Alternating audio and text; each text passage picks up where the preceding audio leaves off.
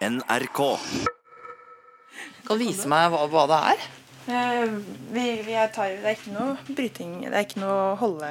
Og du, du tar ikke på meg i det hele ikke, tatt? ikke noe kaste... Jo da, eh, vi har på oss eh, vester eh, rundt eh, kroppen, Ja. og så har vi hjelm. Ja. Og vi har kun lov til å sparke på kroppen og hodet, for det er der vi får poeng. Det er jo 90% så sparker jeg, hode og kropp, og gjerne mange ganger etter hverandre, som er litt lett på tå. Kraft. Kraft. Ja, så nå går jeg tre, tre meter bakover, og så går vi mot hverandre. Ja. Så gjør det sånn som du pleier. Én, to Nå begynner jeg å gå. Åh. Og da slenger du beina opp mot meg. Ja, da ideelt sett ville jeg slengt opp mot hodet ditt, men nå var jeg snill og tok det mot uh, mageregionen din. Ja, Jeg har fått den midt i magen, altså. Ja, for det, jeg vil jo ha poeng. Du, Når er det du slår meg i huet? Kan ikke slå deg i hodet. Jeg kan sparke deg i hodet. Med beinet? Ja, Du får ikke lov å gjøre nesten noe med armene. jeg kan slå deg, jeg kan slå deg i magen, eh, men det er bare ett poeng på magen. Men hvis jeg sparker deg i hodet, så kan jeg få tre til fem poeng. Så det er mye mer fristende å sparke deg i hodet. Tina Rødsgaard er i midten av 20-årene, og i mange år så har taekwondo vært hennes liv. Det har styrt hele livet, fra morgen til kveld. I 2016 så var hun med i OL i Brasil. Tenkte ikke på annet. Det var trening, hvile, fysioterapi, kosthold. Alt annet kom i annen rekke. Kraft, kraft. Jeg heter Kirsti Kraft, og jeg er en dust i de fleste idrettsgrener. Men for meg så betyr det ikke noe. Det å tape for meg blir liksom som et skuldertrekk og kanskje en god latter etter en stund. Men det finnes sikkert ting i livet mitt som du ikke skal tulle med. Hvor det å tape gir meg følelsen av å revne. Ja, du skal få høre at det er noe som skjer og skjærer seg i livet til Tina. Denne kraftepisoden har vi kalt Kunsten å tape. Og ingen av oss liker å dyrke den kunstarten. Men livet tvinger oss til å praktisere noen ganger. Jeg tenker tilbake. Langt tilbake, til 2005. Det jeg likte mest av alt, blir tatt bort fra meg. Jeg hadde jobbet en stund for å få lov til å lage et portrett med Ole Gunnar Solskjær. Det skulle ikke handle om fotball. Jeg fikk ja, tok flyet til England.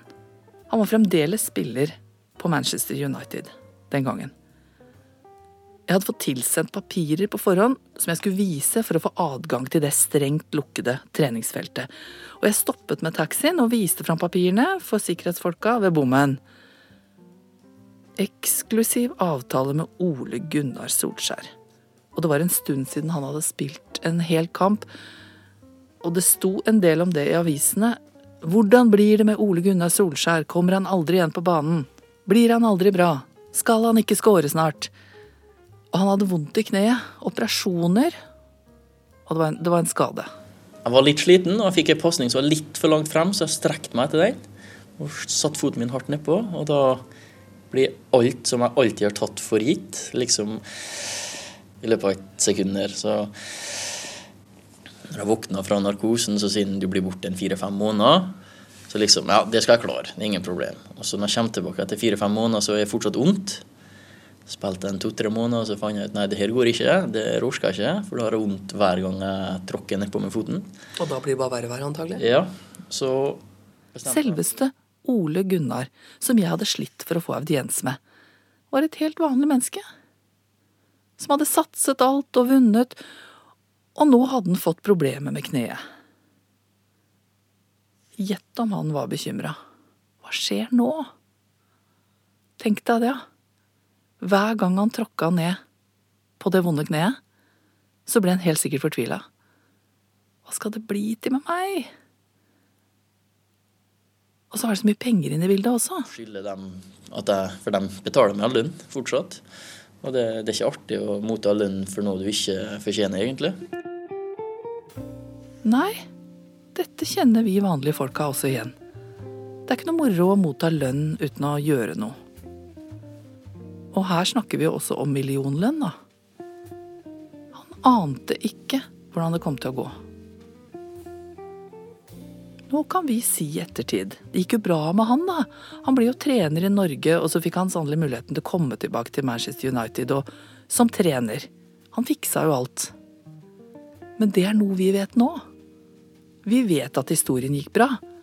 Men det visste ikke han da han satt der med det kneet, som ikke kunne brukes til noen ting. Han sa ikke 'hjelp' rett ut til meg. Men kanskje han eh, gikk inn i en engelsk skog etter at jeg var dratt, og skrek 'hjelp' rett ut, jeg vet ikke.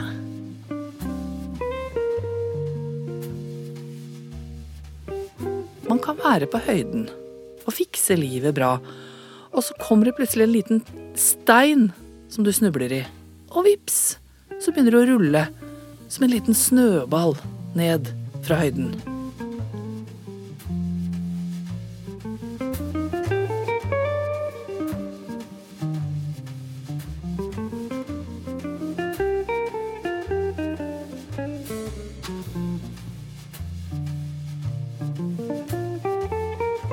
Jeg kan slå deg, jeg kan slå deg i magen, eh, men det er bare ett poeng. Så det er jo mye mer fristende å sparke deg i hodet. Sier du og ler. og den snøballen begynte å rulle helt plutselig for Tina. Fikk du vondt i hodet når vi holdt på med dette nå? Eh, nei, det, det gikk fint. Det er mer eh, trykk og belastning Hvis det går over lengre tid, eller hvis det er mer trykk og belastning på nakke og sånne ting, så er det verst, da.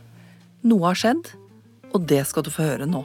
Eh, jeg vet jo ikke helt hva som skjedde, hvorfor jeg ble syk, men eh, jeg ble dårlig på veien hjem.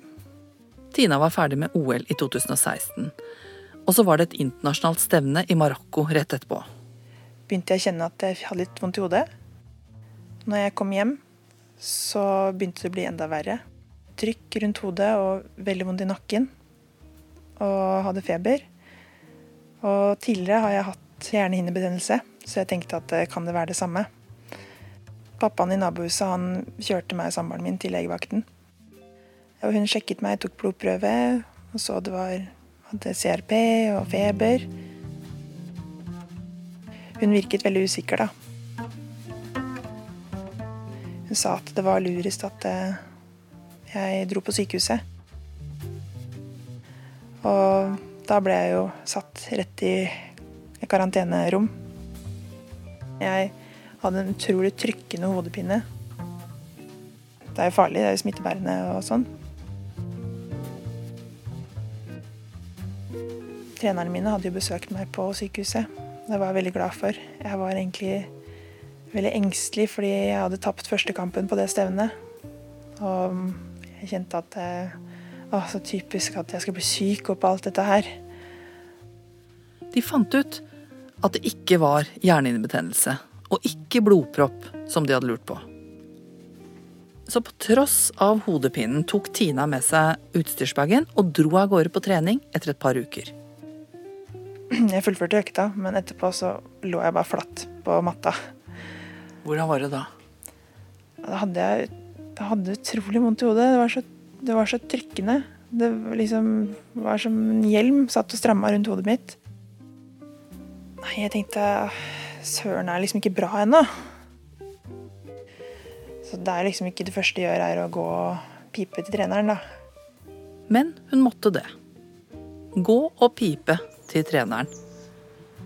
For ukene gikk, og ukene ble til måneder, og hjelmen forsvant ikke. Det ble nevrologer og masse greier. Vi kan sette oss ned her, kanskje. Vi stikker ut i hagen. Den siste tiden har vært mye mental jobbing med seg sjøl. Hvordan er det nå, egentlig? Akkurat nå når vi sitter her i sola.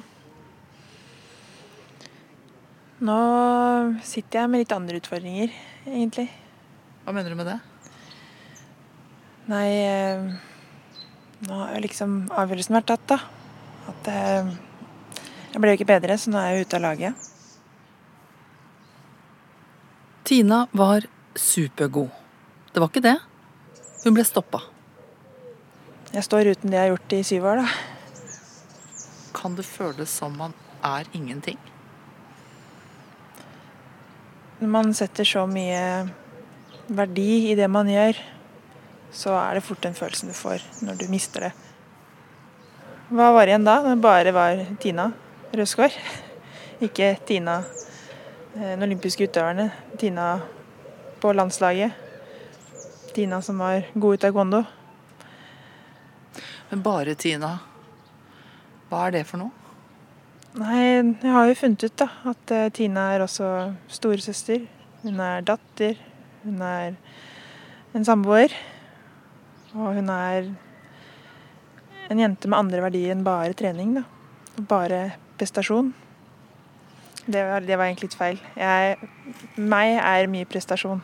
Mm. Jeg vil hele tiden prestere på et eller annet, men i hvert fall ikke bare innen taekwondo. Tina er også et vanlig menneske. Ja. Jeg, jeg er jo det, har jeg funnet ut. Var det litt fælt at jeg sa det? Du ble litt sånn rar. Ja, men det, jeg kjenner jeg blir litt, litt berørt av det. Og det å si at eh, Ikke det at jeg er noe bedre enn alle andre, det er ikke sånn, men eh, at det er greit å være et vanlig menneske, da. Det, Og når jeg møter deg nå, og vi sitter her i sola, så har ikke jeg noe greie på taekwondo engang. Og jeg, jeg hadde ikke visst det hvis vi hadde møtt hverandre tilfeldig nå. nei. Så hadde ikke jeg visst at du kunne det. Syns du det er fælt? Nei. Jeg sitter jo nå fortsatt og prøver å bearbeide litt igjen at jeg er god nok som bare meg. Det er nok det vanskeligste. For eh, både kravene jeg har til meg sjøl, men også hva jeg har vært igjennom, så er det viktig for meg å alltid prøve å gjøre mitt beste. Og nå som jeg har mista det som jeg lett kunne gjøre det på, så føles ting litt tomt, da. At du er flink til andre ting? Ja, noen ting i hvert fall. Hva er du flink til, da? Ehm, Jeg prøver, jeg vil ikke si at jeg er flink, men jeg prøver å være flink til å dra hjem og være sammen med tenåringssøstera mi og lillebroren min. Jeg prøver å besøke besteforeldrene mine mer nå, så mye jeg kan egentlig. Men eh, jeg sitter fortsatt og kjenner på en tomhet, da. Jeg har ennå ikke klart å helt finne det som gir meg de målsetningene og drivet som jeg har hatt så lenge. Det er jo den utfordringen jeg prøver nå å finne. Hvordan jeg kan få disse følelsene igjen som er så mye av meg, da. Sånn som jeg hadde når jeg drev med idrett og taekwondo. Det er tungt. Og så stor del av meg som blir borte. Så mye identitet og trygghet jeg fant i idretten, som nå er borte. Da nå å prøve å være god nok som bare meg, er tungt. Det er liksom noe som mangler. Tror du dette blir borte? Og at du blir en glad Tina igjen, eller tenker du? Jeg sitter nok nå helt ærlig og lurer på det samme, om det vil bli helt borte. Ehm, Jeg mener jo at jeg bør selv at jeg bør jo klare å takle dette her bra, men det har ikke vært så lett som jeg trodde. Jeg håper jo at eh, aller helst at jeg vil finne noe annet da, som gir meg litt de samme følelsene som jeg har hatt, og det behovet jeg har hatt.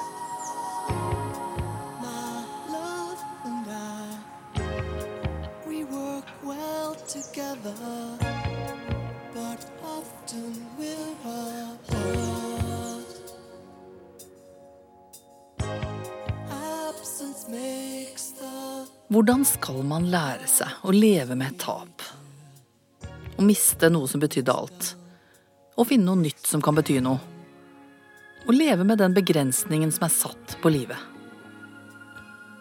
Noen ganger så takler vi ikke ting vi skulle ønske. Man kan angre seg i hjel på noe som har skjedd. Men man må lære seg å leve videre med det. At jeg valgte å ikke blåse, at jeg valgte å la spillet gå videre. Litt å være enig med Øvrebø her. Det var den store tabben. Og hvis du googler 'fotballdommertabbe' og Tom Henning Øvrebø 2009 på nettet, så ser du med en gang hva det handler om. Men jeg var i tvil når jeg tok avgjørelsen, og da lot jeg være å, å, å, å blåse straffespark. Idet avgjørelsen var tatt, hørte han reaksjonen fra hele fotballpublikummet.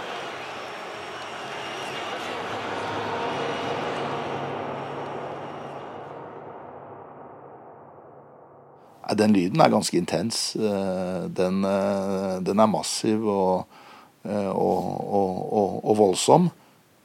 Tenkte du da at hjelp, nå har jeg gjort noe gærent?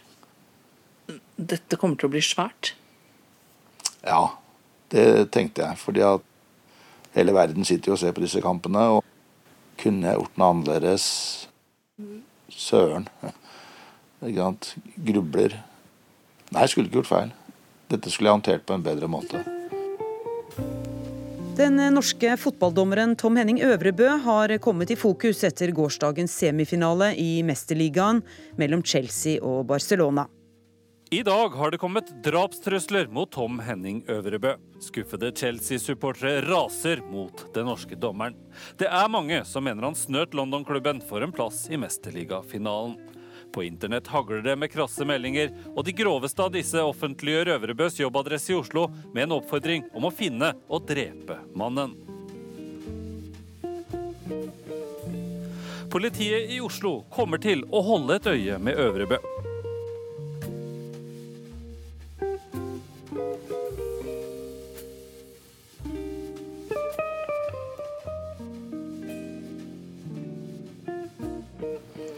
Hva har dette at du ikke blåste, hva har det gjort med livet ditt etter 2009? Nei, hvis jeg tenker meg grundig om, så har det vel egentlig ikke gjort så mye sånn i ettertid. altså, annet enn at jeg da har fått mye oppmerksomhet for å ha vært en udugelig eh, dommer. Men, Er ikke det mye? Nei, I grunnen ikke, syns jeg. Altså, for det er jo bare en rolle jeg hadde oppi mange andre roller. En udugelig dommer? Er ikke det ganske fælt? Og at folk kan google deg og finne det etter ti år? Det har kanskje satt litt sånn ting i perspektiv, da. At Hvordan det, da? å- Nei, At det å dumme seg ut på Stamford Bridge det er kanskje ikke det morsomste en gjør, men det er jo heller ikke livstruende, og det er jo heller ikke noe som merker det. Altså, folk går gjennom så mye kjipe ting i livet sitt, og hvis dette er på en måte det verste jeg opplever i livet mitt, så, så er jo ikke det så gærent. Kom du dit eh, ganske fort, eller er det noe du tenker nå? Nei, det er nok noe eh, jeg tenker mer nå enn da. Da Altså, det var en eh, veldig stor deal når det skjedde. I den forstand at man ble, ble latterliggjort, ble kan du si, hetsa, hengt ut i media, og i tillegg også da kanskje hadde vært med på å påvirke resultatet i en veldig viktig fotballkamp. Eh, Så det er klart at der og da så var dette her ganske stort.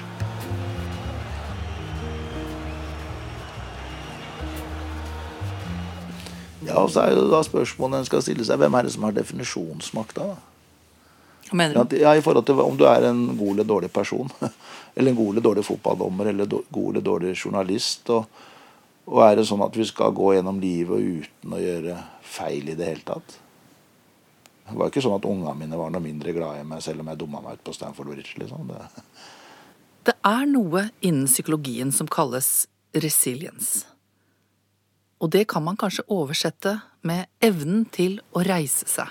det er dette her med, med psykologisk eh, kall gjerne motstandskraft, og at man klarer å reise seg igjen etter eh, tøffe ting i livet. At man eh, blir latterliggjort, og at man klarer å, å reise seg igjen. Eh, Og leve et eh, ålreit liv også etter en sånn type hendelse. Hvorfor klarer man det? Det handler vel gjerne om at man eh, ikke lar den situasjonen få lov å definere en, og, og klarer også det å se framover. At man har en litt sånn god kall det gjerne selvfølelse i bånn, som gjør at man tenker at dette skal ikke få lov å definere meg og mitt liv videre. Nå er det viktig å være litt sånn her og nå og framover. Tom Henning er ikke bare tidligere fotballdommer. Han er også psykolog og jobber bl.a. med stressmestring. Hvordan gjør man det når man opplever at man har tapt? Man skal våkne opp dagen etter. Hva gjør du? Jeg tror ikke det er noe fasit på det, og jeg, jeg, tror nok det er viktig at man også tillater seg å kjenne litt på skuffelsene. Og tillater seg å være litt skuffa. Når du sier 'tillate seg det', betyr det å da gi slipp og si jeg, 'nå er jeg dødsskuffa', 'nå setter jeg meg her', 'nå griner jeg', nå, 'nå er jeg lei meg', ferdig, ikke noe mer'. Er det sånn? Ja, jeg tenker det. Kan sette seg og, og kjenne litt på den sorgen, jeg kaller gjerne det, eller den nederlagsfølelsen, det vonde. Og ikke prøve med en gang, altså si 'nei da, men dette går bra, jenta mi, gutten min'. Nei, Jeg, jeg, jeg syns det blir å bagatellisere ting. da, At man, man må på en måte tillate seg også å kjenne på det vonde. Eh, og Så blir det da neste spørsmål hvor lenge skal jeg være der? Så kommer kvelden, så kommer dagen etter, så kommer dagen etter der. Ja, altså, Det er vel ikke noe sånn spesielt tidsperspektiv på det, men hvis man opplever at det da begynner å gå utover hverdagskvaliteten min, og jeg virkelig liksom går i den gjørma og, og, gnager på det, da. Så, så, så, tenker jeg at uh, det er kanskje på tide å prøve å få til en endring. Men er det ikke viktig å kunne få lov til å bade lite grann i sitt eget tap? Jo, det tenker jeg. Altså det tenker jeg det å på en måte få lov å være der litt. Eh, men jeg tror det med litt er, er viktig. Og så kan jo litt det kan være en dag, og det kan være en uke, og det kan kanskje også være en måned og mer men at ikke det får lov å bli altoverskyggende for livet videre. Men jeg mener Men, men å få en anerkjennelse for at det er jævlig å stå i, det tror jeg er viktig.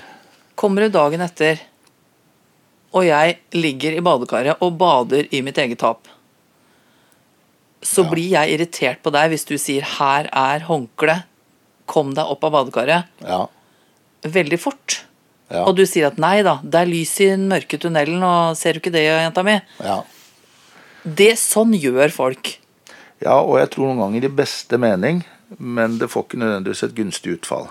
Og Da er det kanskje heller bedre å gi det badet litt mer varmt vann, og, og, heller kanskje få støtte for at du trenger å være der litt til. Eh, og bare legge håndkleet sånn passe tilgjengelig, sånn at du kan ta det når du, når du ønsker. Men ikke nødvendigvis med en gang.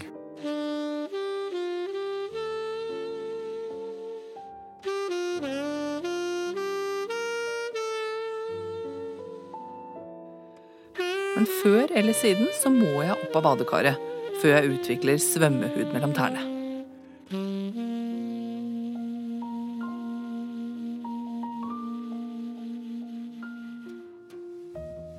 Hvis du f.eks. er ute og går tur eller løper en tur i skogen og du, du snubler og får et veldig stygt sår f.eks. på hånda, da. Det blir mye jord og dritt i det såret. Hva ville du gjort for noe da, Kirsti?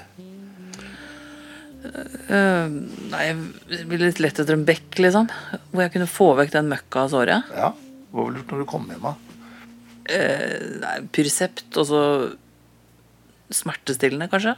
Ja. Det var vondt, kanskje. Hvorfor det? Hvorfor ville du tatt Pyresept og smertestillende? Jo, for jeg ville rensa det såret. Ja. Det, jeg, det, liksom, det, hadde jeg tenkt at jeg må være min egen sykepleier, på en måte. Ja, Hvorfor ville du ikke putta mer dritt i det? da hadde det blitt betennelse. Ja, ja. Ja visst. Det det hadde blitt legevakt, da? Ja, ja, da hadde det blitt legevakt og betennelse, sannsynligvis. jeg ville drevet litt sånn nødhjelp på meg sjøl, og, så, øh, og så ville jeg tatt litt smertestillende for at det ikke skal ha så vondt, og så ville jeg kanskje slått på TV. Ja. Og så lurer jeg på hva, hva gjør vi når vi får disse emosjonelle sårene? Ja, når det er ting som skjer i livet vårt, og enten det da er brudd eller mista jobb eller ikke klare en karakter eller feile i en idrettskonkurranse, da, da putter vi ofte bare mer dritt i det. Ikke sant, disse emosjonelle sårene, sånn at det bare blir mer betent. da blir bare verre. Istedenfor å stelle godt med det og være litt sånn vennlig. og Dette med selvmedfølelse, da. En ting er selvfølelse, men selvmedfølelse. At man er litt sånn raus med seg selv og, og kanskje stelle godt med disse emosjonelle, følelsesmessige sårene, tror jeg er viktig for å komme seg videre. da. Så du mener jeg liksom Hvis dette hadde vært en psykisk greie, så hadde jeg kanskje tatt med meg jord fra skauen? Ja, tatt med deg skauen og kanskje dytta opp i såret. da. Og det, det, er jo ikke så godt. Hvorfor gjør man det? Ja, det ligger kanskje litt sånn i menneskets natur, da, på et vis. Å, å bare hamre løs, da. Og det gjelder jo særlig på seg sjøl. Han ville jo aldri gjort det samme med en venninne eller en kollega eller en kjæreste eller en, et barn en har. Og bare liksom at du er så udugelig, du får ikke til. Du er en jævla taper. Men disse setningene kommer jo ofte når vi når vi ikke får det til helt sjøl, da. Og da er det jo kanskje viktig å skape litt sånn distanse til disse tankene. Og, og tenke er jeg på en måte personen som, som tenker dette, eller er jeg personen som observerer disse tankene på egen hånd? Eh, og så er da spørsmålet skal vi være i det en uke. Skal vi være i det i 14 dager, en måned? Eh, og da er det jo som du sier, altså du ville jo stelt dette såret så raskt som mulig. Og det tenker jeg også, men det er ikke dermed sagt at sår ikke gjør vondt lenger, selv om du steller litt med det. Men du trenger i hvert fall ikke å putte dritt oppi det.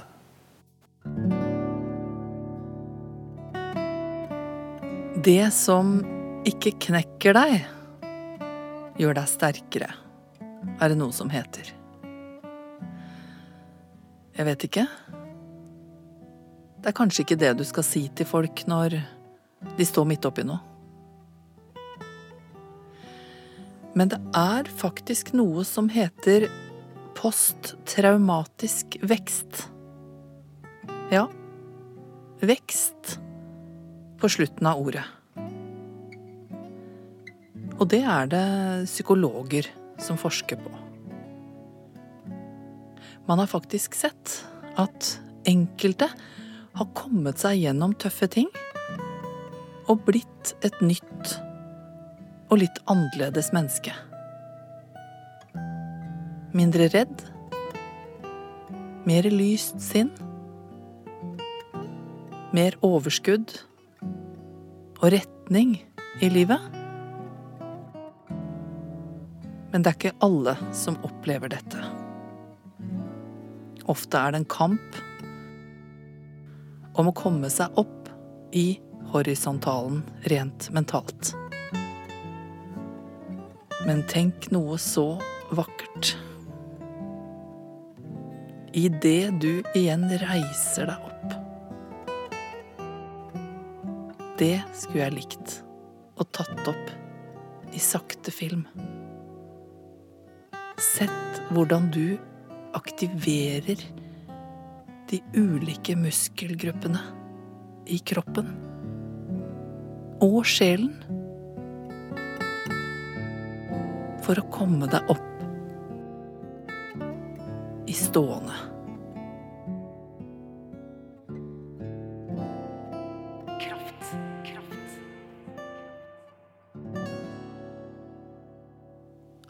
Har du en historie du vil dele med oss?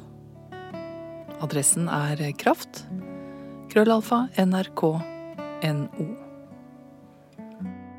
Lyddesigner Merete Antonsen. Konsulenter Åse Lundan og Hege Dahl. Og mitt navn er Kirsti Kraft.